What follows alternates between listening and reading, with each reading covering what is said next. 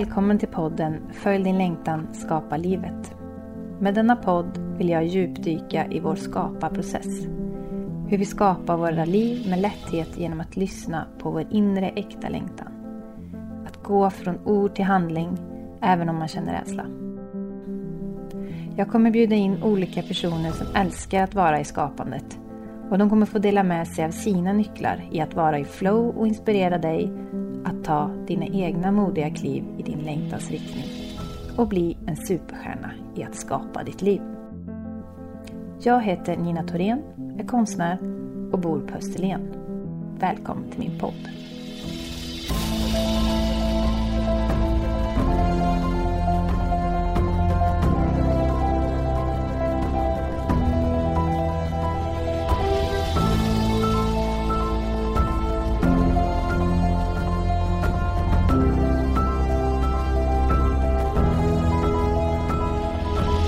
I detta avsnitt träffar du konstnären Marika Lang som bor och verkar i Kullavik. Måleriet har varit hennes livskall ända sedan hon kröp runt i sin fars ateljé bland tuber av oljefärg. Marikas konst beskrivs som naivistisk och präglas av glädje och vardagssituationer, så kallad gladkonst. Hon älskar att skapa mötesplatser där glädjen i att vara sig själv fullt ut där allt är möjligt och uppleva det tillsammans står i centrum. Hon anordnar varje år tillställningar som En konstig kväll och festivalen Kullavik i förhoppning att avdramatisera kultur och att alla som går därifrån är uppfyllda av glädje, gemenskap och konstnärlig förundran. Vi pratar om att livet är här och nu. Att se det fina i varje ögonblick. Att inte se hinder utan möjligheter. Det och mycket annat får du nu ta del av. Välkommen Marika till Följ din längtan skapa livet. Tusen tack. Hur mår du idag? Jag mår topp, det gör jag. Jättebra, jättebra. De som inte vet vem du är Marika, berätta, vem är du? Oh, vad har vi? Fem år på oss? Ja. Tio år kanske. Vem jag är, det vet jag ju bara själv. Och eh, det var någon som skulle beskriva mig. Så sa de så här att det går inte att beskriva Marika Lang, hon måste upplevas. Mm, den var ju fin. Så den kom jag undan med, ja. den frågan, snabbt. eller hur? Verkligen. Ja. Och du, vad gör du eh, yrkesmässigt då? Yrkesmässigt så arbetar jag som konstnär mm. och eh, det är det jag har gjort i eh, hela mitt liv. Vi kan säga så här, jag har inte arbetat eller varit i något annat område än konsten. Och det har varit från födseln. Vill du berätta, för de som inte har sett dina tavlor innan, mm. vill du berätta lite det formspråket och uttrycket och sådär? Jag är ju under en genre som heter naivism. Och om jag skulle beskriva mitt måleri så känner jag ju så här att eh, när jag målar och det här genomspeglar ju också den personen jag är så sätter jag fokus på glädjeämnena i livet. Så det finns inga dolda budskap, ingenting att analysera, utan bara allt fint och trevligt och glädjen som vi har runt omkring oss. Det är det jag vill måla och det är den personen som jag är också. Mm. Om du, har du någon sån här färgskala som du oftast drar till, dras till? Det är rött. Mm. Ja. Det, det röda, det, ja, men det, det, ja. det symboliserar mm. ju verkligen de värdeorden då. Mm. Glädje och kraft och... Kärlek. Kärlek. Ja. ja. Mm. Kan du inte berätta, du har ju varit konstnär eh, många år då. Kan du inte mm. berätta lite om din tids, tidslinje? När började din eh, första längtan? Det kan inte jag svara på, men jag har ju en dokumentation. Jag har ju faktiskt eh, bilder som min mamma spa, har sparat. Som är, eh, när hon beskrev det själv då, att jag eh, kröp i min pappas ateljé och så fick jag tag i oljefärg och det är grejer som när jag var en 8-9 månader som är på duk. Som är målat. Så, jag, så när längtan började, det kanske började redan då. Så jag har ju alltid hållit på med färg. Aldrig Mm. gjort något annat. Nej. Nej. Vad för slags Mm. färg målar du med nu? Vad, är, vad, är, är det akryl eller olja? Eller vad, eller Det är ju fortfarande, om man säger den huvudsakliga färgen, det är ju olja. Det är Mm. olja. Ja. Det är det. Sen målar jag akryl om jag har lite bråttom. Så eh, får jag ju, om man säger måla med akryl. Men det som jag brinner för och där jag känner mig bekväm i, det är olja. Och terpentindofterna. Det är de som jag är uppvuxen på. Ja. Det är det som förgyller din ateljé. Liksom. Det, är den, det kanske är de dofterna som sätter igång någonting i dig också. Kanske, Alltså, kanske. ja, Ja. ja. Vad hände sen då? Från det att du eh, kröp runt där i ateljén då? Det började, om man säger den första utställningen då, när man gjorde det på riktigt. Då var jag sju år. Det var jag. Så då fick jag faktiskt eh, vara med på en utställning tillsammans med min far och fick en egen vägg. Jag hade en utställning i Hunnebostrand och visade väl kanske en fyra, fem olika verk. Och då sålde jag även min första målning till en familj i Stockholm. Så det var väl då det började, kan man ju säga då. Kul! Ja. Ja. Sen fortsatte det. Ja. det, gjorde det. Jag gick skolan, det gjorde jag. Jag gick ut grundskolan som jag var tvungen att göra. Eh, Det var ju så, jag är född på 60-talet, vi hade inte den möjligheten att kunna välja en estetisk eh, program efter grundskolan. Så eh, jag fortsatte bara att måla, gjorde jag. Hade en utställning i Miami tillsammans med min pappa när jag var 15 år. Så jag bestämde mig väldigt tidigt att eh, det var konstnär jag skulle bli. Och hade otroligt mycket stöd också hemifrån. Men gjorde det faktiskt inte eh, på riktigt, om vi säger så, rent juridiskt lagligt på riktigt med F-skattsedel och moms och så vidare förrän jag var 25. Så jag testade mig fram, arbetade på en del gallerier. Men återigen, det är ju liksom i konstnärskapet, konstnärsmiljön, eh, konsthandel, gallerier och så vidare. Det, där har jag varit i hela mitt liv. Hur har det sett ut då som, för dig som konstnär? Har du eh, haft gallerister som har eh, stöttat dig eller liksom som du har jobbat ihop med? Eller har du liksom kört mycket själv? Jag har alltid haft gallerister och har det än idag. Och eh, som har varit där under denna resans gång. Eh, självklart gör jag även saker privat men eh, alltid känt, det, det har varit min förlängda arm att ha en gallerist och man ska inte tro att man kan nå alla själv och göra allting själv. För eh, det är, om man säger, jag är ju konstnär i grund och botten. Och då måste jag ju också ta mig tid att måla. Och det är ju min gallerist, det är ju dennes uppgift att eh, visa mina alster runt omkring i Sverige och även utomlands. Hur ser oftast din skaparprocess ut? Från att jag kommer på en bild eller vad, vad tänker du på? från idé, från ett litet frö till färdig Ja. tavla. Hur, vilka vändningar går du igenom? Och, Ja, Det är ju så här, jag jobbar ju med olja så om vi tänker på det senaste jag håller på med nu. Eh, den senaste målningen, den började jag med för två månader sedan och jag hoppas att den ska bli klar till sommaren. Så så lång tid tar det och det är inte själva processen utan det där handlar om att det tar sån tid innan färgen torkar. Men under tiden man målar så kommer man ju på fler saker. Man tänker man ska måla dit, ett träd, en människa till, en annan miljö och så vidare. Så jag kan väl tänka mig det som, nu spekulerar jag bara, som en författare som skriver en bok. Man vet på ett ungefär, ganska sådär, vad boken ska handla om. Och det gör jag också när jag sätter första strecket. Jag vet vad som ska finnas på duken. Men under resans gång och även kanske under en författares gång eller en annan skapares gång så kommer man på fler saker. Fler människor att gestalta på duken och så vidare. Så det blir inte riktigt klart förrän det är klart. Det där lät flummigt. nej, det låter klart och Ja. tydligt för mig. Det där att låta, att få vara i upptäcktsresan. Ja. Mm. Hela tiden, att låta det som kommer till en just då få ta Ja. plats. Precis. För ibland så blir Ja. ju inte saker tydligt.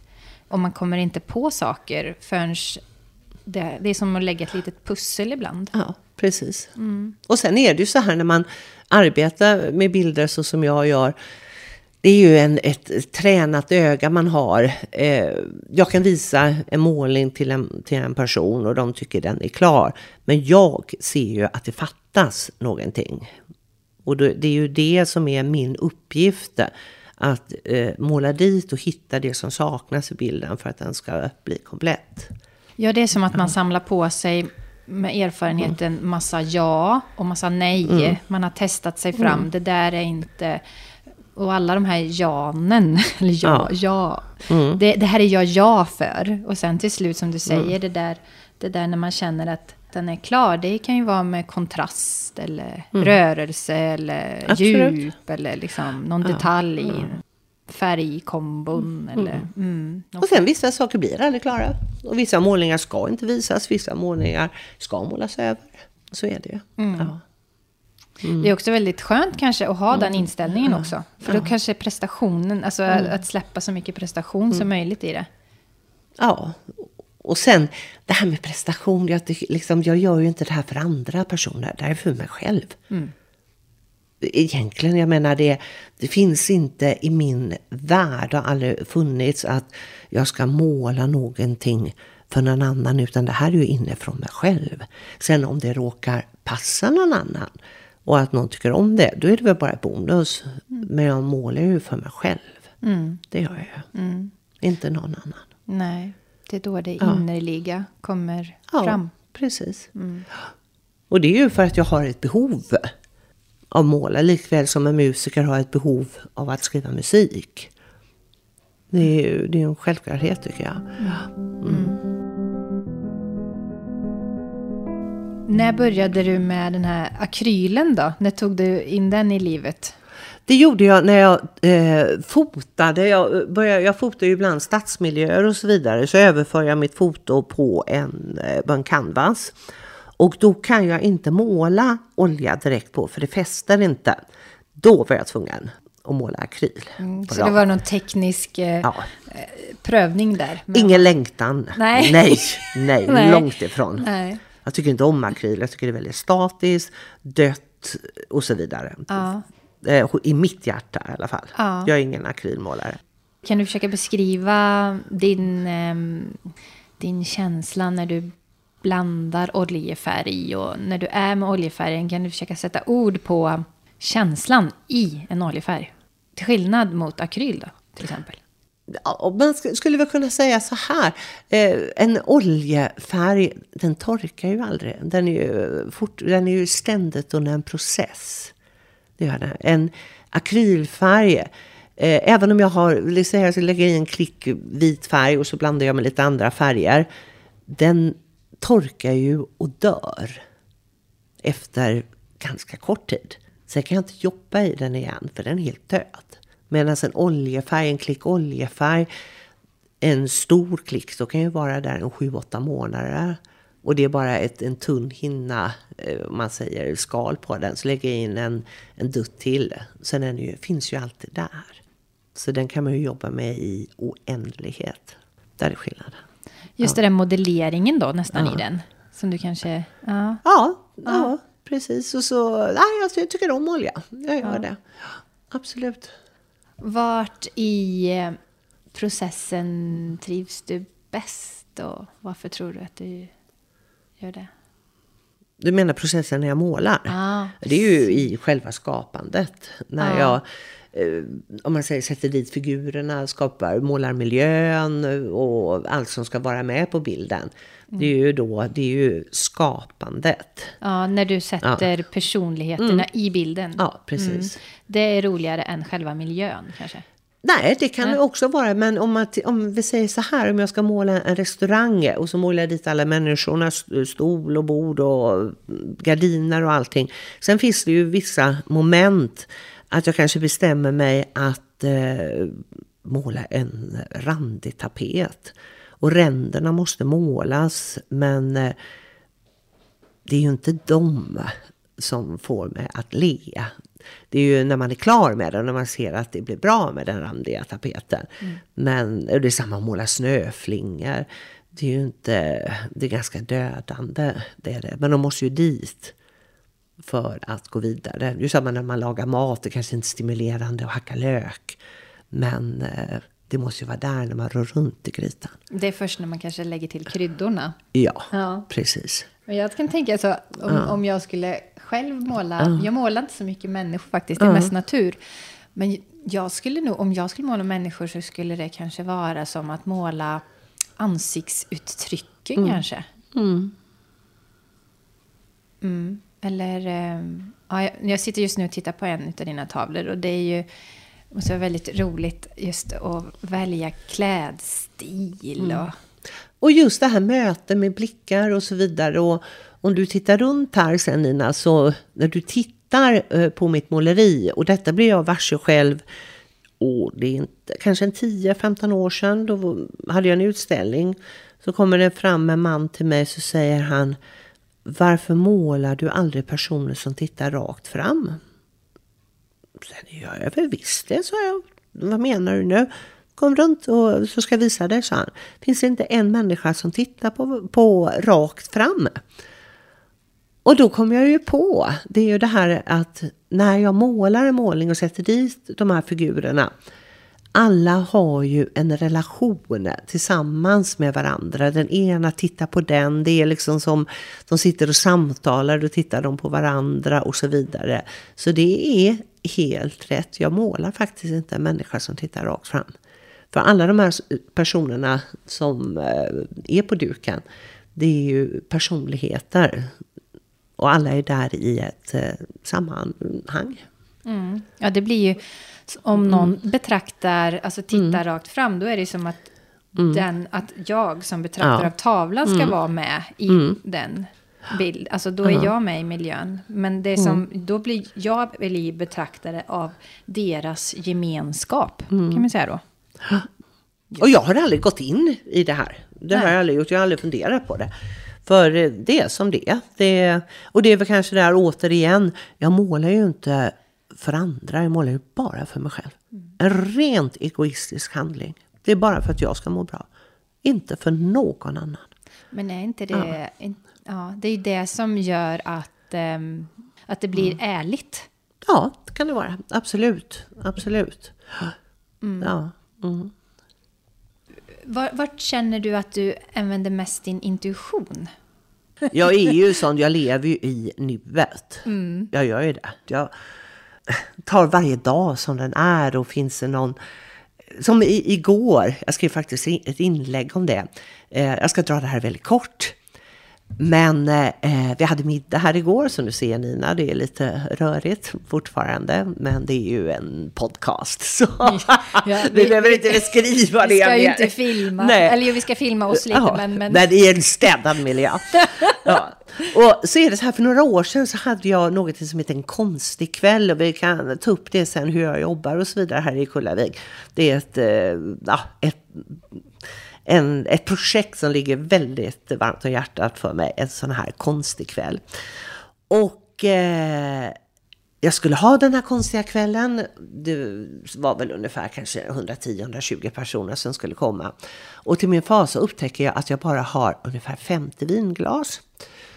Så jag ringer en god vän och säger, åh, har du vinglas hemma? Nej, gud, så många har jag inte, men jag skickar ner min man så kan han köpa vinglas till dig. Så Nisse kommer tillbaka med över 100 vinglas som han har köpt. Och med då de här eh, 50 vinglasen så hade jag ju nu då 150 vinglas. Och det här är ju bara en sex år sedan. Igår kväll när jag dukar och vi skulle vara åtta stycken på middag så märker jag att jag har endast bara åtta vinglas. Det har jag. Alla andra är söndriga. så det har eh, liksom, det, det är ju det här också att man, eh, ska man ha en tillställning eller vad som helst. Jag, jag kan bestämma mig som nu, ah, ah, vi gör en stor fest ikväll eller vi gör någonting och då självklart så går ju vinglasen, de gör ju det. Men det var ju det här som jag kände också att nu måste jag införskaffa vinglas. Och, eh, så jag såg ju detta som något positivt istället att så många hade gått sönder. För det är ju ett tecken på att det har varit något trevligt här och det har varit mycket folk. Och ett söndrigt glas, vad spelar det för roll? Det är ju ingen söndrig själ. Nej. Nej.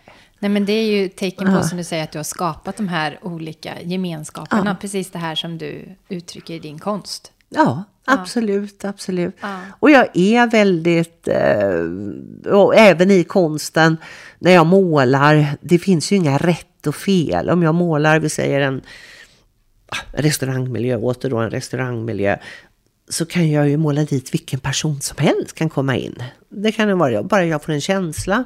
Likväl som det är i vardagen, om jag vill hitta på något så, så gör jag det. Ja, men hur svårt kan det vara? Det behöver inte vara så tillrättalagt. Det behöver det inte vara. Och då kan jag hitta på massor med kul event och ja, gud ja. Mm. Men då ja, kan man ju säga ja. att du kör all in på intuition. Absolut. Ja. Ja, ja. ja. Inga spärrar. Nej, Nej. det låter ju fantastiskt. mm. Ja, men du, berätta mer då om det här. Din eh, längtan till att skapa de här gemenskaperna då, de här eventen och de olika tillställningarna. Ja, det, om, eh, det är många som frågar mig det faktiskt, varför jag håller på som jag gör. För det här är ju inte något företagsekonomiskt försvarbart eller ingenting sånt. Men för mig är det viktigaste att när folk kommer hit, att de ska få en upplevelse. Det mår jag bra på. Att ge personer en upplevelse, att komma in i en eh, sån här miljö som där det visas konst på väggarna som kan ofta vara en väldigt statisk miljö. Och Eh, där man ska vara och prata inom ja, vissa ramar. Råkar någon säga vattenfärg så åker de ut. Och det, är så, det kan vara så krystat. Och även om man visar, och speciellt om man visar så kallat bättre konst, då ska det vara det strama vita rummet. Och det är det ju tvärtom här. Ja, här har du någon fin eh, dov mörk röd färg. Ja, och så har jag en blå färg i det rummet en grön färg i det andra rummet och en röd i det andra. Ah.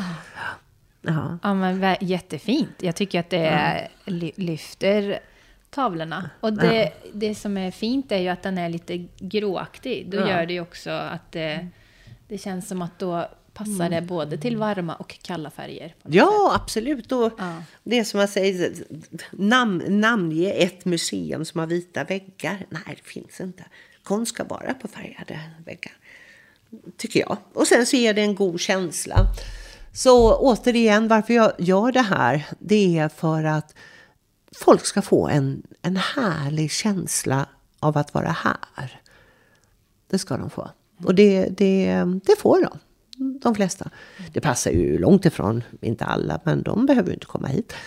Men, nej, nej. De, de, som känner att det passar, det är de som attraheras ja, hit. Ja, precis. Mm, det är där du gör, där gör du en mm. skillnad. Alltså ja. det, det, mm. det, blir ju ett avtryck hos andra. Ja. Att, eh, mm.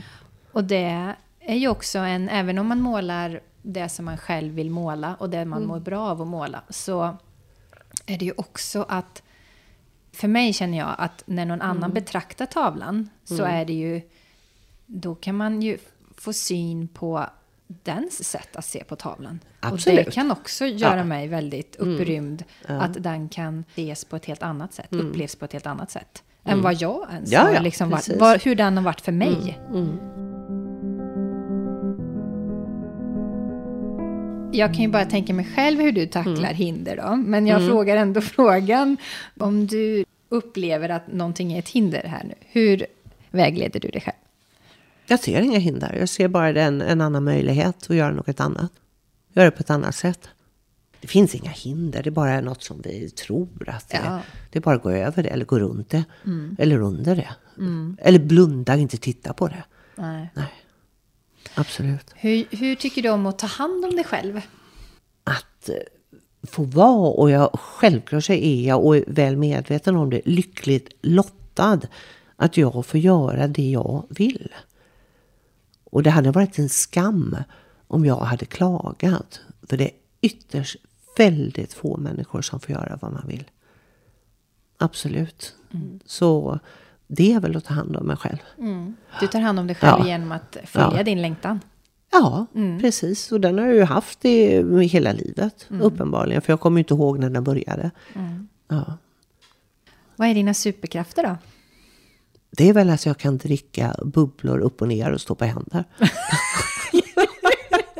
Fantastiskt. Det är, det. Det, är, det är väl att få vara den jag är. Mm. Ja. Jag bryr mig inte vad andra folk tycker och tänker. Jag gör inte det. Nej. Nej. Jag är den jag är och jag står för det jag står. Mm. Det är väl um, en ynnest att få göra det. Mm. Absolut. Mm. När känner du dig som eh, modigast? Det handlar om att få göra det ja, som man vill och kan och stå för. Det kanske är modigt. Mm. Mm. Om, om, vi nu pratar om det. Vem får göra det? Och stå upp för sig själv. Så det kanske kallas för mod. Jag vet inte. Ja.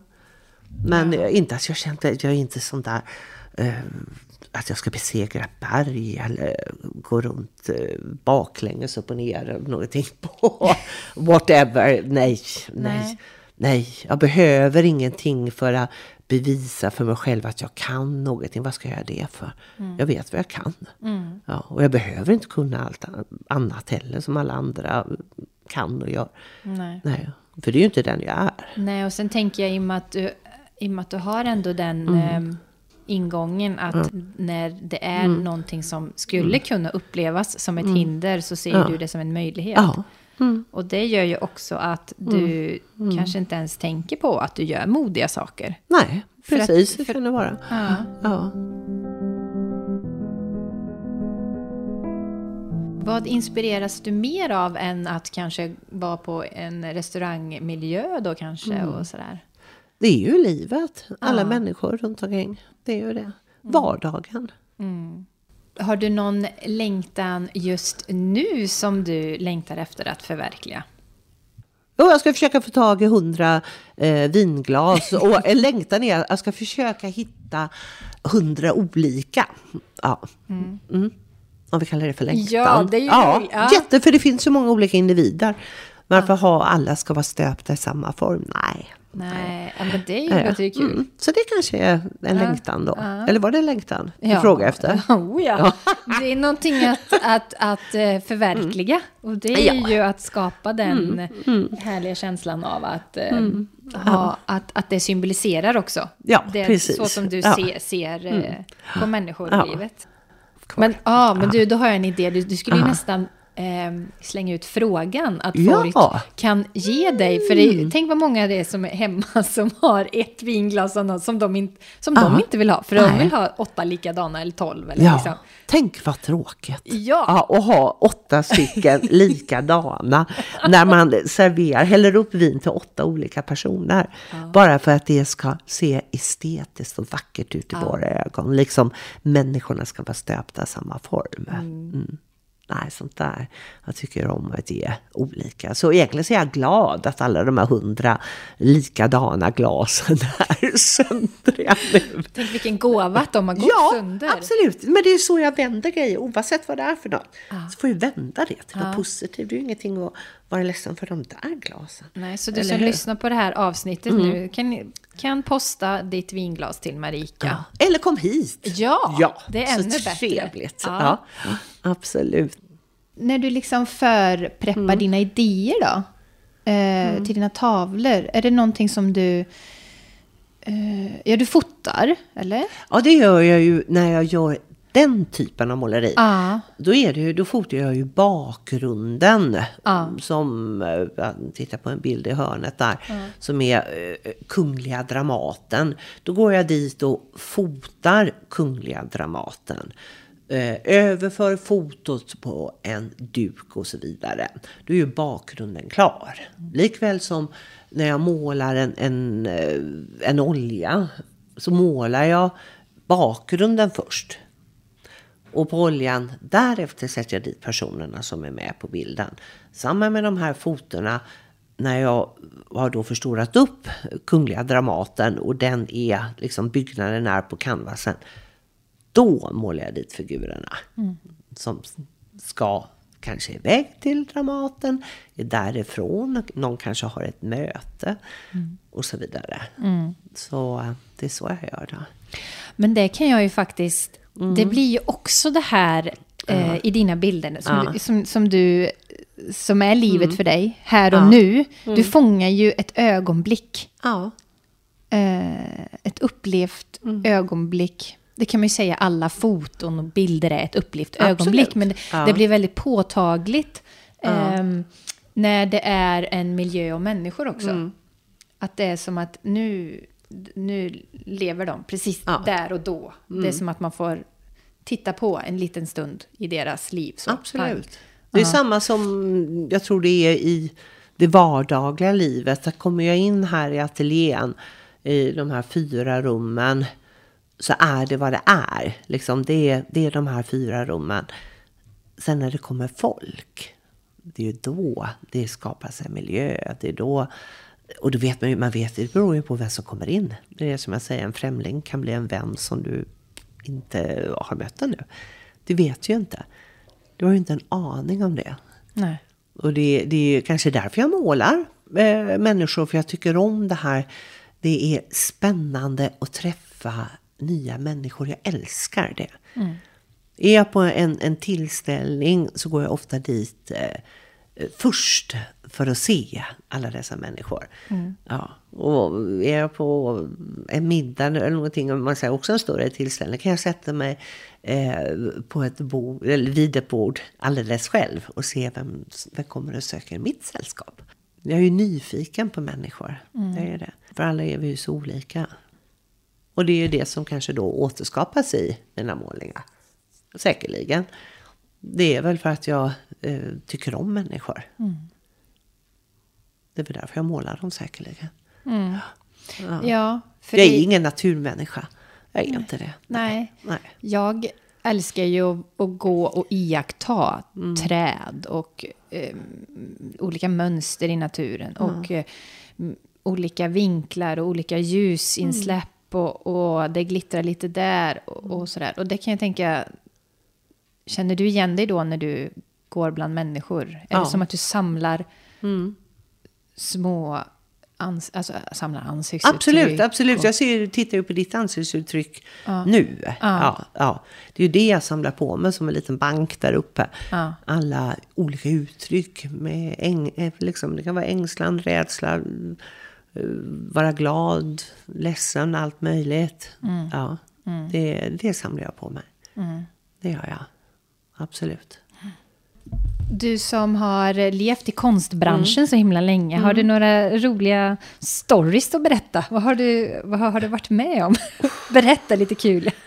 Gud, jag har, Nej, jag har varit med om så otroligt mycket. Jag har faktiskt en person, en författare som skriver en bok nu. Mm. Som kommer ut i februari. Som hon har skrivit då i novellform. Om olika saker som har hänt under min konstnärsbana så att säga. Men det finns ju, det finns ju så otroligt många saker. Det gör ju det. Så eh, egentligen, jag menar vi har valt ungefär tio saker som har hänt under livet från eh, jag var jätteliten till eh, tills jag är ja, nu då. Men nej, ni får vänta till boken kommer ja. ut. ja. Du kan ju ge något ja. annat som inte är med i boken då. Ja. ja, och där var ju också en grej som eh, vi tog ett beslut. Ska man ta fram de mörka sidorna? Liksom ska man göra det? Och det var eh, mycket fram och tillbaka för det hade blivit kanske en bestseller på ett helt annat sätt om jag hade berättat om alla hemligheter inom vår bransch. Mm. Eh, så det är något som jag har bollats med. Så vi får väl se. Jag ska ju inte eh, berätta vad den handlar om, men det, det är ju självklart, det här är ju inte en bransch som bara är liksom lullull och eh, liksom massa med glädje. Det finns ju en väldigt mörk sida också. Det mm. gör det. Mm. Ja. ja, verkligen. Ja. Nej, men det är väl det, du, du, kan ju skriva fler böcker. Ja, det, det, vi tänkte det. Ja. Det här är liksom första boken. Det ja, är det. Ja. Absolut. Det, finns, det finns miljoner grejer. Och det, det är vad den handlar om. Nu har jag den inte här. Liksom, jag har ju inte bara jobbat här i Kullavik och i Stockholm. Jag har ju eh, varit i Italien, eh, Tyskland, eh, Oslo har jag arbetat i tio års tid. Och liksom alla saker, hur man överlever som konstnär utan pengar. Och jag har varit, tagit in på hotell där jag, folk har varit tvungna att lösa ut mig, fått sälja konst för att betala krognotar. Det finns liksom, you name det. Men det är ju återigen, det är ju livet. Det är ju livets resa. Mm. Då har det ju verkligen varit här och nu. Ja, mm. ja visst, absolut. Mm. Och det är återigen att eh, jag ser ju inga hinder. Nej. Nej. Det löser sig. Ja. Snacka om den tilliten. Ja, precis. Det är ju, alltså, det är ju att ha tillit till att saker och ting, ja. det löser sig. Jag kommer ihåg liksom, när det fanns pengar, eh, förr i tiden när det fanns riktiga pengar som man kunde ta i. Så kunde jag åka upp till Stockholm med en halv tank. Eh, inga pengar i plånboken, inga kort eller någonting och bokat in några konstföreningar för då betalade de alltid kontant när de handlade för att se om jag kunde komma hela vägen upp. Ja. Det var som en utmaning? Ja, ja. jätteroligt. Mm. Och liksom inte se det som ett hinder att man har en halv tank bensin. Utan se det som en möjlighet istället. Ja. Vad kan det ge för... Vad kan det ge? Vilka möten kan det bli? Mm. Och så kan jag vara än idag. Det är jag, gud ja. Mm. ja. Absolut, absolut. Mm. Att våga sig kasta in i, ja. sig, sig in i saker. Mm. För vad är det som kan hända? Ja, det, nej. Och det är ju en allomfattande känsla ja. av att eh, mm. världen är god. Ja. Eller hur? Ja. Sen självklart så råkar man illa ut och träffar sina rötägg och, och så vidare. Det, det är självklart, det gör man. Men det är väl också kanske en mening med, med det också för att kunna gå vidare och hitta andra lösningar. Mm. Ja absolut. Ja, och då ja. hoppas man väl att man är tillräckligt street smart då. Ja, att precis, man, att man ser igenom det. Ja, ja, ja absolut. absolut. Har du haft eller har du några förebilder? Jag tycker om fina människor. Ärliga människor. Mm. Sen vad de gör för något spelar absolut ingen roll. Jag är ingen förebild så, för det kan vara någon som målar fantastiskt men är ett jävla svin.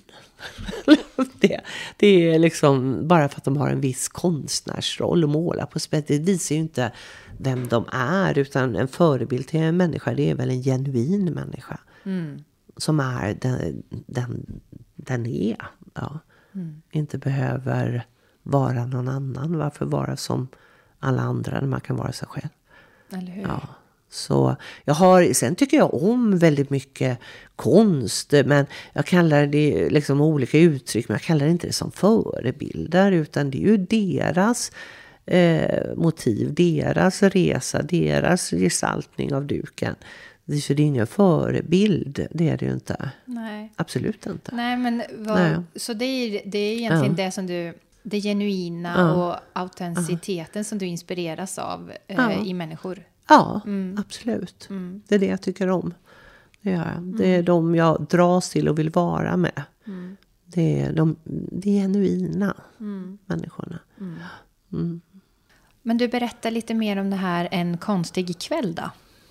Ja, En konstig kväll kom till. Det är faktiskt en eh, väninna, gammal, gammal, gammal väninna till mig, barndomsvän, som kom på det här namnet En konstig kväll. Så det är hon som ligger bakom namnet på något som är väldigt trevligt att göra. Har gjort det i flera år faktiskt. Och konstig kväll, det ska ju gå ihop med konsten och så vidare. Och sen så är det ju som ett typ ett skyddat varumärke. För gör man någonting under en konstig kväll så kan ju allting hända. Och då spelar det ingen roll om man tappar ett fat med, med mat eller med vinglas eller whatever, för det går ju under benämningen konstig kväll. Men just det här i en konstig kväll, det är, med konst det är ju inte bara att måla, det är ju även att sjunga och dansa och skriva, författa. Det, det är ju allting som har det här konstnärliga och jag försöker att eh, återigen att avdramatisera kultur. Det behöver inte vara, i mångas ögon och öron är det väldigt svårt, men det behöver inte vara det. Så därför gör jag sådana här tillställningar som det är öppet hus, jag bjuder in grannar och nära och kära och även främlingar så att säga. Att vara en del av det här. Att eh, komma hit och titta på tangodansare, någon som sjunger på scen, konstnärer som målar och så vidare. Och eh, ge dem en, en upplevelse och en känsla. Och så är det ett roligt namn då, Konstig kväll. Mm. Är det. Hur ofta har du det här eh, en gång om året? Eller? Nej, det är Nej. så ofta jag kan. Ja, underbart. Så fort du bara kommer ja, på någon precis. härlig spontan idé. Ja, jajamensan. Vi ja. hade typ en konstig kväll igår också. Ja. Det hade vi. Ja. ja. Så det behöver inte vara så. Men jag har ju det här, um, den här festivalen Kulla Week. Som, eh, den är årligen då. Mm. Det är den. Och då bjuder jag in konstnärskollegor eh, runt omkring i Sverige. Och så är vi här då i Kullavik.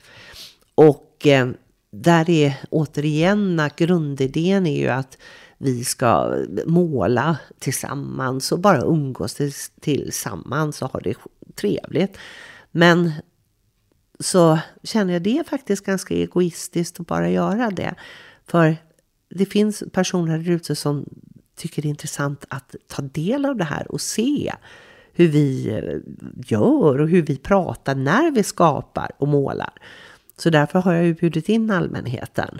Och sen har ju det vuxit med åren så har vi haft musik och dans och mat. Det är också en konst, ja, ett konstverk att kunna göra det. Så det har jag en gång per år då, det kallas för Kulla Week. Och det, det är öppet för allmänheten. Det är det. Vad är livet för dig? Livet är ju nu. Mm. Du och jag som här, sitter och pratar. Ja. Mm, här och nu. Ja, inte det som jag ska göra imorgon eller det som jag har gjort. Det är en del av livet det jag har gjort. Vad som kommer hända imorgon eller om en timme eller om fem minuter. Det har vi inte en aning om. Nej. Nej. Men livet är väl att leva här och nu. Ja. Mm. Vad är viktigt för dig att fylla livet med? Att det är ju med, med glädje och positivitet. Och att försöka vara en så bra person som möjligt. Det är det absolut. Och ta hand om varandra. Och det är inte bara en klyscha som många använder så. Åh, ta hand om varandra och så vidare. Men gör det då. Ta hand om varandra. Ja. Mm. Det är livet för mig. Ska vi kanske gå in på lite härliga... Det är alltid härligt att få lite trevliga tips att titta på. Ja, tittar. Vad tittar jag nu på?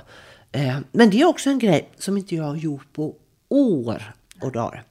Jag, har inte, jag gjorde inte det under en period på sex år. Tittade jag knappt på tv eller serier eller någonting. Sen blev det så att eh, eh, det var höstas. Så tänkte jag, nu ska jag göra som alla andra. Nu ska jag gå och sätta mig i soffan och titta på en serie. Och det som jag säger, jag har inte gjort det på 6-7 år. Och det var en jädra rolig, härlig upplevelse. Att få bara lägga sig ner, en filt över sig och bara wow. kan, man, kan, kan, kan, livet vara så här också? ja, visst var jätteskönt. Ja. Det var riktigt jävla skönt. Mm. Mm. Att inte bara vara den som skapar Nej. saker, utan att bara få vara Precis. en mottagare. Ja. ja, det var faktiskt en jävla god känsla. Mm. Det var det. Ja, kommer du ihåg vad du tittade ja. på då? The, the Playlist om uh, uh, Spotify. Mm. Mm, den tycker jag var bra. Mm. Ja. Har du någon plats som har mm. stor betydelse för dig? Ja, det är mitt badkar. Ja, ja, ja. fantastiskt. Då, Har, du, då kanske, har du varit med ett badkar i din målning? Åh gud ja, Mycket badkar. hur många badkar som helst. Ja, ja, ja det har jag gjort. Mm. Jag har en, där har du en badkarsbild vid högtalaren. Kolla! fin, glittrig. Jajamensan. Ja. Nej, det är badkar. Älskar att bada. Ja. Och, för där får jag vara. Ja. Mm. Det kanske är där som du har ditt... Eh, för, I och med att må, många tar ju det här att de sätter sig i soffan och tittar på tv. Det är deras sätt att koppla bort lite. Det, Då är badkaret ditt. Men sen, så tyvärr, förr i tiden så använde jag det för att koppla av. Nu använder jag det mer som mitt kontor. Det är där Ja. jag sitter och gör, skriver alla mejl och gör inlägg och svarar på sms och så. Så jag har my office hour är i badkaret. Att Men det är ändå skönt. Det är ändå skönt, för det är varmt och gott. Eh, det är det. Och så kan jag sitta och göra, för jag kan inte göra något annat. För jag kommer inte ut därifrån förrän jag är klar. Ja. Det är kul att du säger det, för att jag har också börjat göra... Jag tar fram min pall, ställer den vid, Ja. badet, ställ, sätter min, min dator där. Ja. Eh, och sen så, samma där. Om jag har någon, någonting att jag ska svara på. Visst, man blir lite snedvriden, men jag har Ja. ju min mobil ibland också. ja, precis. Jag game, vi gamblar lite där Ja, då. Den kan ja. ju bli tappad i badet, men eh, det, det har faktiskt aldrig hänt än. Nej. Nej. Och då kan det bli en annan möjlighet. Ja. Då kan det bli en väldigt rolig historia. Ja. precis. Eller hur? ja, verkligen. Nej, men jag, jag tycker det är jättekäckt att använda som kontor. Mm. I badkaret. För då är jag bara fokad på det jag ska göra. Mm. Ja. Annars blir det väldigt lätt att du blir distraherad till att gå och göra någonting annat. ja, för det är så mycket roligt, annat roligt som händer runt omkring. Ja, Ja. Det är ju hela tiden. ja, ja, ja det är vet. något ja, som händer. Det är alltid något som pockar ja. på en. Ja, gud ja. ja. Där kanske det här blåser lite här i, i, i spisen. Ja. Ja. Det är det som ni hör som vibrerar ibland. Mm. Nej, men just det där, där stilla sig kanske impulserna lite. Impul ja, visst, det är ju det här svara på mejl och allt som... Nej, det är där jag knäcker många idéer. Ja, Gud ja. Ja. Du vet ju under pandemin när det hände liksom tjofs och så försvann alla inkomstkällor. Ja, det var den det liksom. Nu blir det inga mässor, ingenting. Ja, tänkte vad ska jag göra nu då? Ja, jag åka och lägga mig i badet. Ja, så kommer jag ihåg jag låg där sen bara helvete och sen tänkte jag bara nu raserar allting. Ja, höll på så några minuter och sen då så började jag planer. Vad ska jag göra? Hur ska jag hur ska detta bli en eh, vinnare det liksom med pandemin? Hmm. Och så såg jag det som en utmaning. Mm. Och jag har aldrig jobbat så mycket som under pandemin. nej. Aldrig. Under brinnande pandemi, eh, en påsk, så hade jag, eh, jag hade som mål att göra något storslag. Jag hade 800 besökare här under ordnade former. Så rånade jag partytält, öppnade upp huset, olika stationer, hade en så kallad påskhare som jobbade som vakt. Så det var fem personer dit, åtta personer där, tre personer där i olika stationer. Jag hade en av Nobelkockarna som stod och lagade mat. Eh, jag hade vinprovningar med mätsticka där de kom och mätte ut så vi skulle sitta i det sån här avstånd bredvid varandra. Jobbade varje dag i, jag är ju fortfarande jobb, arbetar varje dag. Så det är ju samma där. Det, idéerna kom eh, när jag var i badet och det där är väl inget hinder. Det där är ju en möjlighet. Det var ju en gåva jag fick mm istället. Att göra någonting annat av det där. Det var så idén föddes också med Kulla Week. Det var ju under pandemin. Ja. Ja, längtan av att... ehm, ja, men frånvaron av att få umgås i det här van, det som kommer till en gör ju då att du skapade möjlighet till att, att, att dra i den längtan. För man vill ju än mer mötas. Självklart. Ah. Ja. Och det är klart att det går. Jag har fortfarande i förrådet eh, har jag 80 stycken badringar.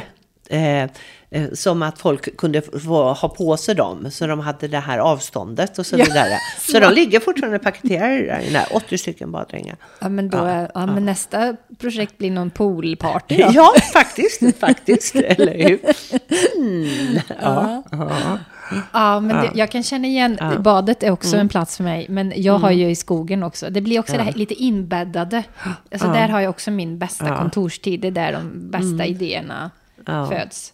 Som eh, den här idén, att skapa en podd. Kom Ja, i skogen. Ja. Alltså. Nej, många använder ju, det vet jag har många kollegor som tycker om det här med skog och natur. Och där eh, föds mycket då. Så man får ju hitta sin egna Ja. eh, väg. Ja. Ja. men det är väl just det här att avskärma sig lite. Precis som när man står i duschen. Alltså många kommer ju på sin, alltså just det där när man inte är i görandet utan är i varandet lite.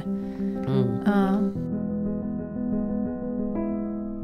Om du skulle få möjlighet att säga till dig någonting när du var ung. Vad skulle du vilja säga till henne då? Bara lev, lev livet och, och gå på din känsla. Och eh, var snäll med ta hand om dina medmänniskor. Absolut. Och ta inte livet så jädra allvarligt. Det blir vad det blir. Ja. Sen kan du styra det åt olika håll och kanter men ta det inte så jädra allvarligt. Och det som jag säger också ibland när man träffar personer, det kan jag säga till min, till min familj också, några vi säger att man ska träffa någon person som har någon betydande i samhället eller en betydande ett arbete eller position. Vad är de rädda för? Det är bara människor. Det är bara människor. Folk bär runt en sån ängslan. Och jag ska göra det, jag ska prata med den, jag ska... Vadå då? Du ska träffa en människa. Jag, ska, jag förstår en, ä- en ängslan om du skulle träffa, ha ett möte med en giraff, en flodhäst och en orm. Ja, för då vet du inte hur de, de här djuren, hur de är, hur de kommer reagera och så vidare. Men en människa är bara en människa. Ingenting annat. Ingenting annat. Nej. Eller hur? Nej. Och det, det, det som de tänker Ja. och tycker är ju helt oväsentligt. Det är ju någonting som handlar om dem. Ja, egentligen. Det handlar inte om dig. Absolut inte. Nej. Nej. Så bara var den du är. Några sista ord. Vad skulle du vilja skicka med lyssnarna här idag? Återigen, var, var snäll mot varandra. Ta hand om varandra på riktigt alltså. Inte bara skriv så, utan gör det. Och det finaste du kan ge en annan människa, det ab- absolut finaste, mest genuina du kan ge någon människa, det är din tid. För den får du aldrig tillbaka. Du kan köpa presenter och allt möjligt, det kan du göra. Men en tid. Och då ska du vara väldigt noga med också att med vem, vilken människa du ger den tiden till. Och var hittar vi mer av dig då, Marika? Om dig och det du skapar. Vad, vad, vad heter du på um, Instagram? Vad heter jag? Marika.lang. Ja, och hemsida. Jag har en hemsida som min älskade svärdotter har gjort. Men eh, och vi ska uppdatera den. Men jag känner om någon vill ha en målning får de väl komma hit då. Eller ring så kan jag ta bilder på vad som finns. Ja, Varför det- leva i det förflutna och titta på en, en hemsida? Och, eller att jag ska lägga in massa nya bilder. Jag har väl annat att göra. Mm. Jag ska väl skapa dem. Jag kanske ska ha en assistent istället. Ja, det är väl jättebra idé. Som sköter allt det där Jag lullullet orkar runt. inte sånt där. Nej. Och du, vart hittar man, vad, vad är här då? Här är Kullavik. Kullavik, Asperkullen. Så här hittar folk mig. Underbart. Ja. Men du, så himla mysigt att prata med dig idag. Samma. Tack så Samma. mycket. Ja. Ja. Tack för att du lyssnar på Följ din längtan, Skapa livet-podden. Är du nyfiken på mig och min konst? Konst som vill lyfta en känsla av längtan, ursprung och urkraft. Allt hittar du på min hemsida ninatorenart.se. Så fint att du har hittat till min podd. Vi hörs!